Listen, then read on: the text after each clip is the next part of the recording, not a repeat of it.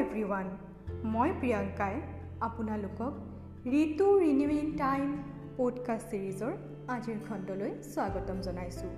মই এগৰাকী উন্নয়ন কৰ্মী আৰু অৰি কালাংকিনীৰ থাৰ্টিন উইক ফেল'শ্বিপ প্ৰগ্ৰামৰ এগৰাকী ফেল' এই ফেল'শ্বিপত তেৰ সপ্তাহৰ বাবে বিভিন্ন পৰিৱৰ্তনকাৰী তেৰটা মাইক্ৰ' এডভকেচি প্ৰজেক্টত যুক্ত হয়। আমি বিভিন্ন ঠাইৰ পৰা অহা কিছু প্ৰাণশীল ব্যক্তিক লগ পাওঁ। আৰু সকলোৱে একজোট হৈ নিজৰ কৌশল বৃদ্ধিৰ লগতে সামাজিক পৰিৱৰ্তনৰ এক প্ৰয়াসত লিপ্ত হওঁ। এই পডকাষ্ট ছিৰিজ প্ৰতিজন ব্যক্তি বিশেষকৈ আমাৰ কিশোৰ কিশোৰীৰ মাজত গঠনাত্মক চিন্তাধাৰা উদ্ৰেক কৰাৰ এক প্ৰয়াস। আমি আপোনালোকৰ মাজলৈ এনে কিছু বিষয় লৈ আহিম যিবোৰ সাধাৰণতে চৰ্চা কৰা নহয় আৰু এই চৰ্চাৰ যোগেদি আপোনালোকক কিছু প্ৰশ্নৰ সৈতে ৰিজাবলৈ চেষ্টা কৰিম।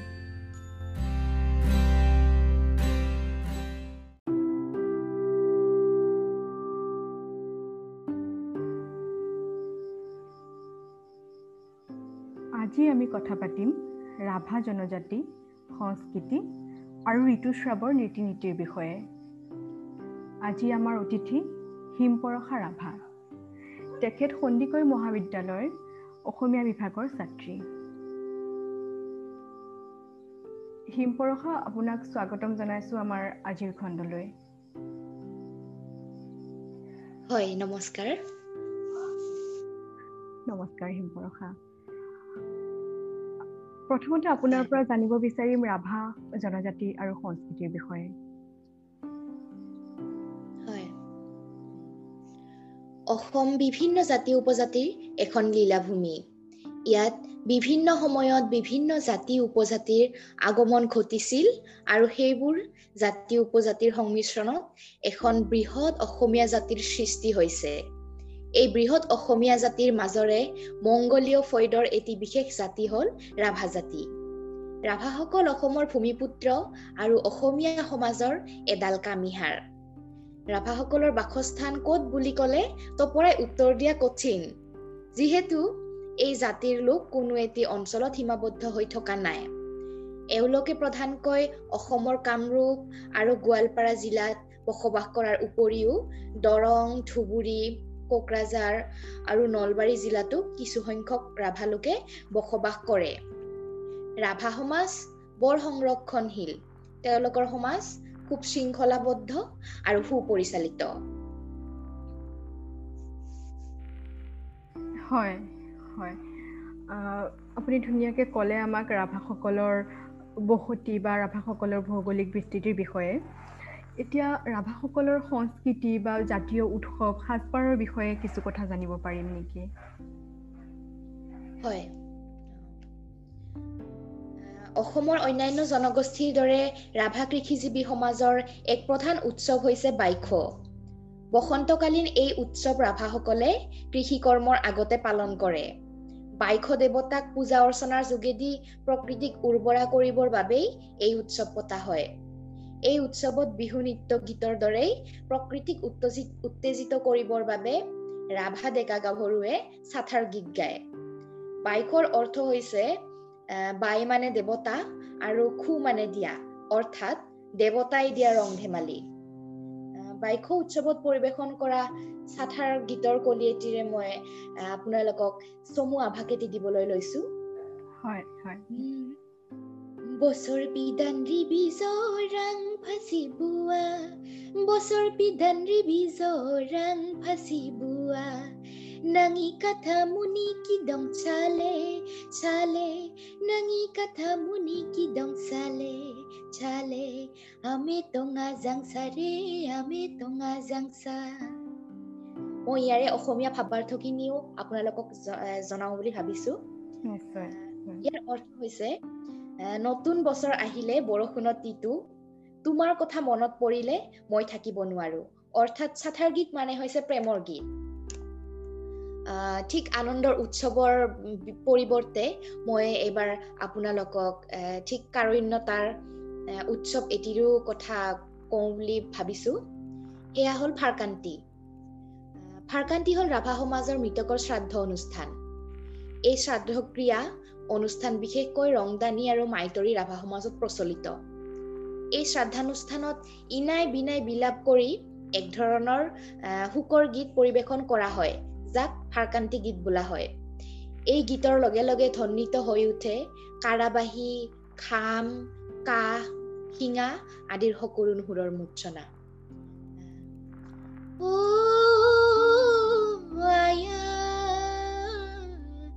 বাবা। পেতা খাপেতা নাঙ সুন কিয়ে মন থুমা যাং সারে নাঙ নুক সারানা নাঙ নুক সারানা আয়া বাবা সিমে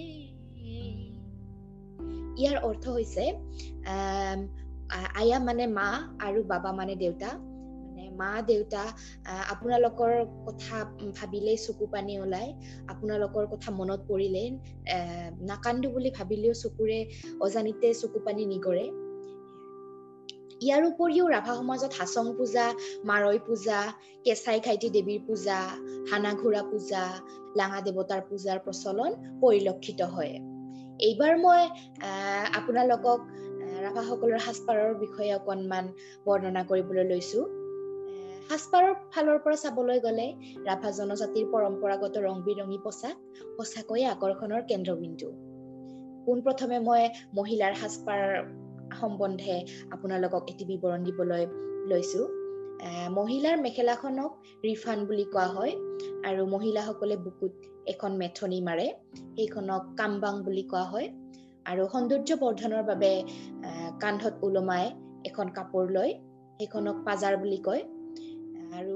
মূৰত পাগুৰি মাৰে। সেই পাগুৰিটোৰ নাম হৈছে খদাবাং। ঠিক তেনেকে আ অলংকাৰবোৰ নামব্ৰী অৰ্থাৎ কাণফুলি হানচা অৰ্থাৎ মণি আৰু বাহুত কাটা বাজু খাৰু খাৰুক কোৱা হয় চানফাফলা বুলি আৰু কঁকালত ৰুবাক পিন্ধে। এইবাৰ মই পুৰুষসকলৰ সাজপাৰ সাজপাৰৰ বিষয়ে আপোনাক আপোনালোকক ক'বলৈ লৈছো। পুৰুষসকলে গামোচা পিন্ধে সেই গামোচাখনক আমাৰ ৰাভা ভাষাত কোৱা হয় পাজাল। আৰু ৰাভা জনজাতীয় চোলা পিন্ধে সেই চোলাখনক কোৱা হয় বাক্সিল আৰু মূৰত পাগুৰি মাৰে সেই পাগুৰিটোৰ নাম হৈছে খোপেন। হিমপৰশা আপুনি এবাৰ উল্লেখ কৰিছিলে আপোনাৰ আলোচনাৰ মাজতে ৰংদানী ৰংদানী আৰু মাইতুৰিয়াৰ বিষয়ে নহয় জানো? যদি মই ভুল কোৱা নাই। হয়। ত' এই বিষয়ে অলপ ক'ব নেকি? আৰু ৰাভাসকলৰ কোনো ফইড নেকি? বা তেনেধৰণৰ কোনো বিভাগ আছে নেকি? হয় হয়। ৰাভাসকল প্ৰধানকৈ নটা ভাগত বিভক্ত। এই ভাগকেইটা হৈছে ৰংদানী মাইতৰি পাতি কোচ দাহৰি বিতলীয়া চংগা তোতলা আৰু হানা। ৰাভা ভাষা এক সুকীয়া ভাষা সত্বেও কিন্তু ৰাভাসকলৰ বহুকেইটা ফৈদৰ মাজতে ৰাভা ভাষাৰ প্ৰচলন নাই। মাত্ৰ ৰংদানী মাইতৰি আৰু কোচ ফৈদৰ লোকেহে ভাষাটো দৈনন্দিন জীৱনত ব্যৱহাৰ কৰি আহিছে। এইকেইটা ফৈদৰ বাহিৰে আন বাকী ফৈদ কেইটাই নিজস্ব ভাষা এৰি অসমীয়া ভাষাকে প্ৰধান ভাষা হিচাপে ব্যৱহাৰ কৰে। কিন্তু তেওঁলোকে কোৱা অসমীয়া ভাষাটোত বহুতো ৰাভা ভাষাৰ উপাদান প্ৰৱেশ কৰি এক সুকীয়া ৰূপ দিছে।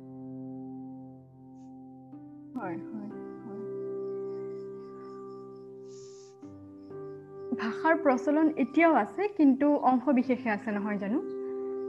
হয় হয়। হয়। আচ্ছা এতিয়া ৰাভাসকলৰ খাদ্য অভ্যাসৰ বিষয়ে কিছু শুনিব বিচাৰিম। হয় ৰাভাসকলৰ খাদ্য প্ৰণালী অসমৰ অন্যান্য আৰ্যমূলীয় জনগোষ্ঠীৰ তুলনাত কিছু সুকীয়া। তেওঁলোকৰ প্ৰধান আহাৰ ভাত যদিও তাৰ লগত পৰিৱেশন কৰা ব্যঞ্জনসমূহৰ অধিকাংশ শাক পাচলি হাবিৰ পৰাই সংগ্ৰহ কৰে। সচৰাচৰ ব্যৱহাৰ কৰা শাক পাচলিৰ উপৰিও তেওঁলোকে বনত হোৱা মেষ্টা টেঙা যাক টেঙা মৰা বুলি কয় আৰু বাঁহগাজৰ পৰা তৈয়াৰ কৰা ঝিম টেঙা মৰাপাত শুকুৱাই প্ৰস্তুত কৰা শুকতা আদি খায়। তেওঁলোকৰ এলাগী কৰিব নোৱাৰা প্ৰিয় আঞ্জা হ'ল খাৰ দি প্ৰস্তুত কৰা পিঠাগুৰি ব্যঞ্জন। তাত আৰু গাহৰি মাংস দিলেতো কোনো কথাই নাই। হয়। ইয়াৰোপৰি মাছ কাছ শামুক কেঁকোৰা কুচিয়াৰ লগতে শুকান মাছ গুৰি কৰি শুকান বাঁহৰ চুঙাত সঞ্চয় কৰি ৰখা হিন্দলো ভক্ষণীয় দ্ৰব্য। অন্যান্য জনজাতীয় সমাজৰ দৰে ৰাভা সমাজতো তামোল পাণ আৰু পৰম্পৰাগত পানীয় মদৰ প্ৰচলন আছে।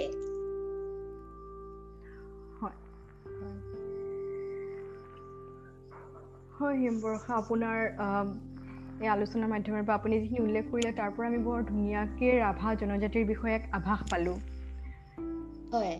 এতিয়া আম, আলোচনা কৰিব বিচাৰিম ঋতুস্ৰাৱৰ ৰীতি নীতিৰ বিষয়ে পোনপ্ৰথমে যিহেতুকে আপুনি ভাষাৰ কথা উল্লেখ কৰিছিলে মই জানিব বিচাৰিম ৰাভা ভাষাত ঋতুস্ৰাৱক কি বুলি কোৱা হয়? ঋতুস্ৰাৱ বা মাহেকীয়া বুলি আমি যাক কওঁ ৰাভা ভাষাত কি বুলি কোৱা হয়? ৰাভা সমাজত মাহেকীয়া ঋতুস্ৰাৱক মাচিনী ৰিবাকাই অৰ্থাৎ মাহে মাহে হোৱা বা কাণ নেমচাকাই বা চুৱাচাংকাই বুলি কোৱা হয়। হয় এই শব্দবোৰৰ অৰ্থ অসমীয়াত এবাৰ ক'ব নেকি বাৰু আমাক? মাচিনী ৰিবাকায়ৰ অৰ্থ হৈছে মাহে মাহে অহা অৰ্থাৎ মাহেকীয়া আৰু কাণ নেমচাকাই আৰু চুৱাচাংকায়ো প্ৰায় একেটা অৰ্থই প্ৰকাশ কৰিছে।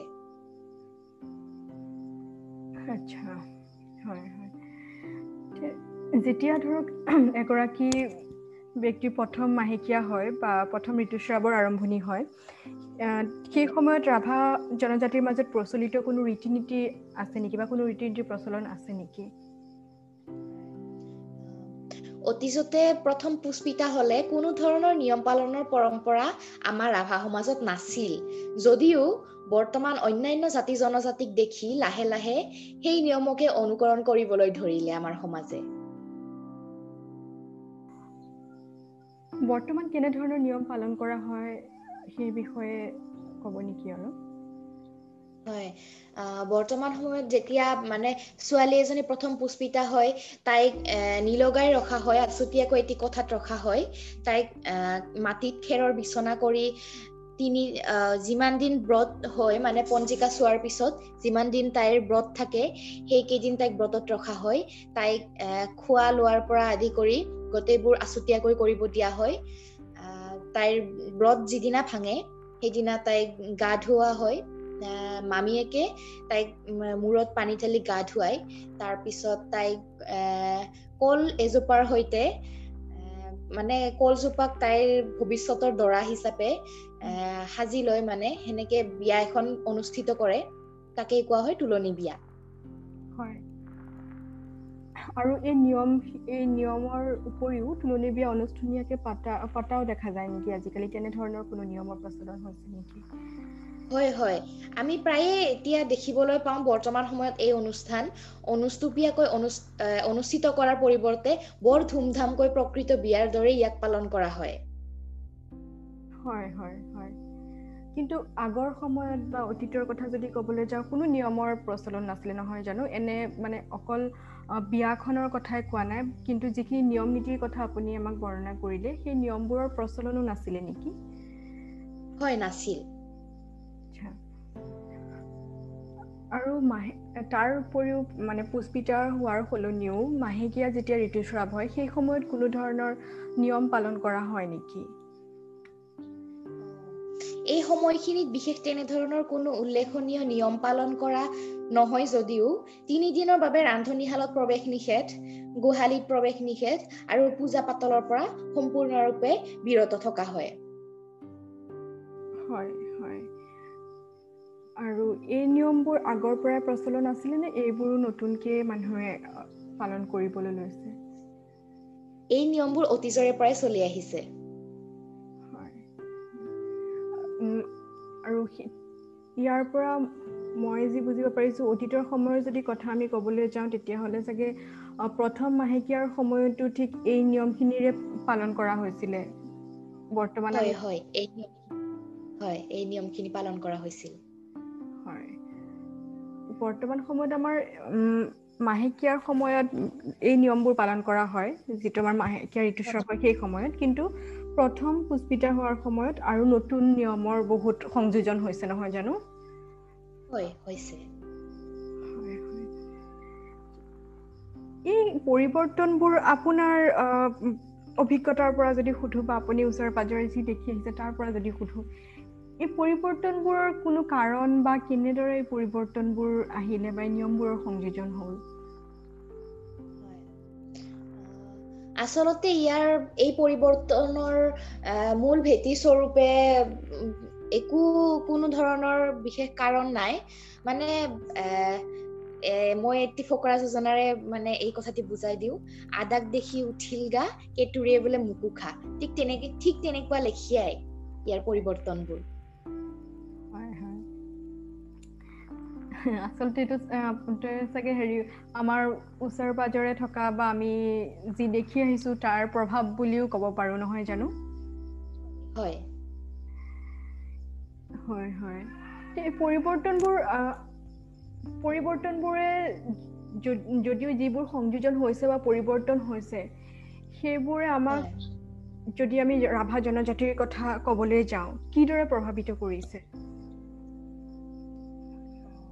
এই পৰিৱৰ্তনবোৰে ৰাভা সমাজত এনেকৈ প্ৰভাৱ পেলাইছে যে অন্য জাতিবোৰক দেখি তেওঁলোকে এতিয়া আমাৰ মানে ৰাভা জাতিসকলে এই তুলনি বিয়া অনুষ্ঠানটো পাতিবলৈ লৈছে।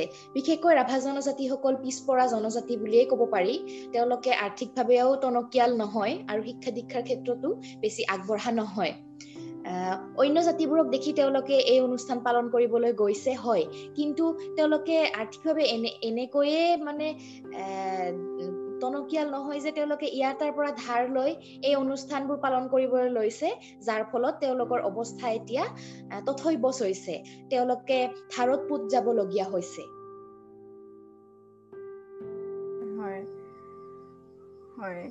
গতিকে চাগে এই যদি আমি ঋণাত্মক ধনাত্মক দুয়ো দিশলৈ যদি চাবলৈ যাওঁ হয়তো দুয়ো দুয়ো দিশেই আছে এই সংযোজনবোৰৰ নহয় জানো? এই নিয়মবোৰৰ। হয়।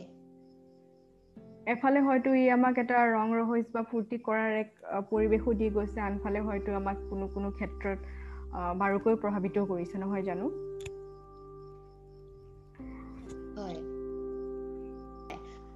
প্ৰকৃততে এই সময়টো এটা বয়সন্থীৰ সময়। শাৰীৰিক আৰু মানসিক দুই ধৰণৰ পৰিৱৰ্তনৰ মাজেদি ছোৱালী এজনীয়ে এই অৱস্থা পায়। এইখিনি সময়ত ছোৱালীজনীক আছুতীয়াকৈ ব্ৰতত ৰাখি মাটিত খেৰৰ বিচনা কৰি শুবলৈ দিয়া হয়। কিন্তু মোৰ মনোভাৱেৰে ছোৱালীজনীক নিলগাই ৰখাতকৈ ব্ৰত পালন কৰিব দিয়াৰ পৰিৱৰ্তে নিজকে চাফ চিকুণকৈ ৰাখি সেই সময়খিনি সুস্থ মানসিকতাৰে গ্ৰহণ কৰিবলৈ দিয়াটোহে উত্তম হ'ব বুলি মই ভাবোঁ। কাৰণ সেইখিনি সময়ত ছোৱালী এজনীয়ে আচৰিত ঘটনা এটাৰ মুখামুখি হৈ মানসিকভাৱে বহুখিনি ভাগি পৰাৰ লগতে দৈহিক পৰিৱৰ্তনত নিজকে খাপ খুৱাবলৈ কিছু পৰিমাণে কষ্টকৰ অনুভৱ কৰে। আৰু যিটো সমস্যাৰ সন্মুখীন আপুনিও হৈছিল বা ময়ো হৈছো। নিশ্চয়।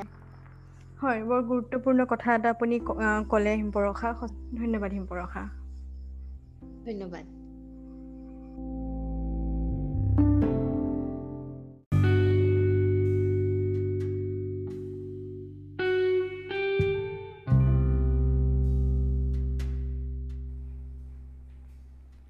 আশা কৰোঁ এই খণ্ডটোৱে আপোনালোকক ভাবিবলৈ কিছু সুযোগ দি গ'ল। হয়তো কিছু কথাত আপোনালোকে মান্তি হ'ব আৰু কিছু কথাত আপোনালোকৰ ডিমতো থাকিব কিন্তু নিশ্চিতভাৱে এই বিষয়বোৰত চিন্তা চৰ্চা কৰিব। আমাৰ এই ছিৰিজৰ আগন্তুক এপিছ'ড আৰু আমাৰ চেনেল উৰিকালাংকিনীৰ অন্য আমেজিং এপিছ'ডবোৰত আপোনালোকক লগ পোৱাৰ আশাৰে আজিলৈ বিদায়।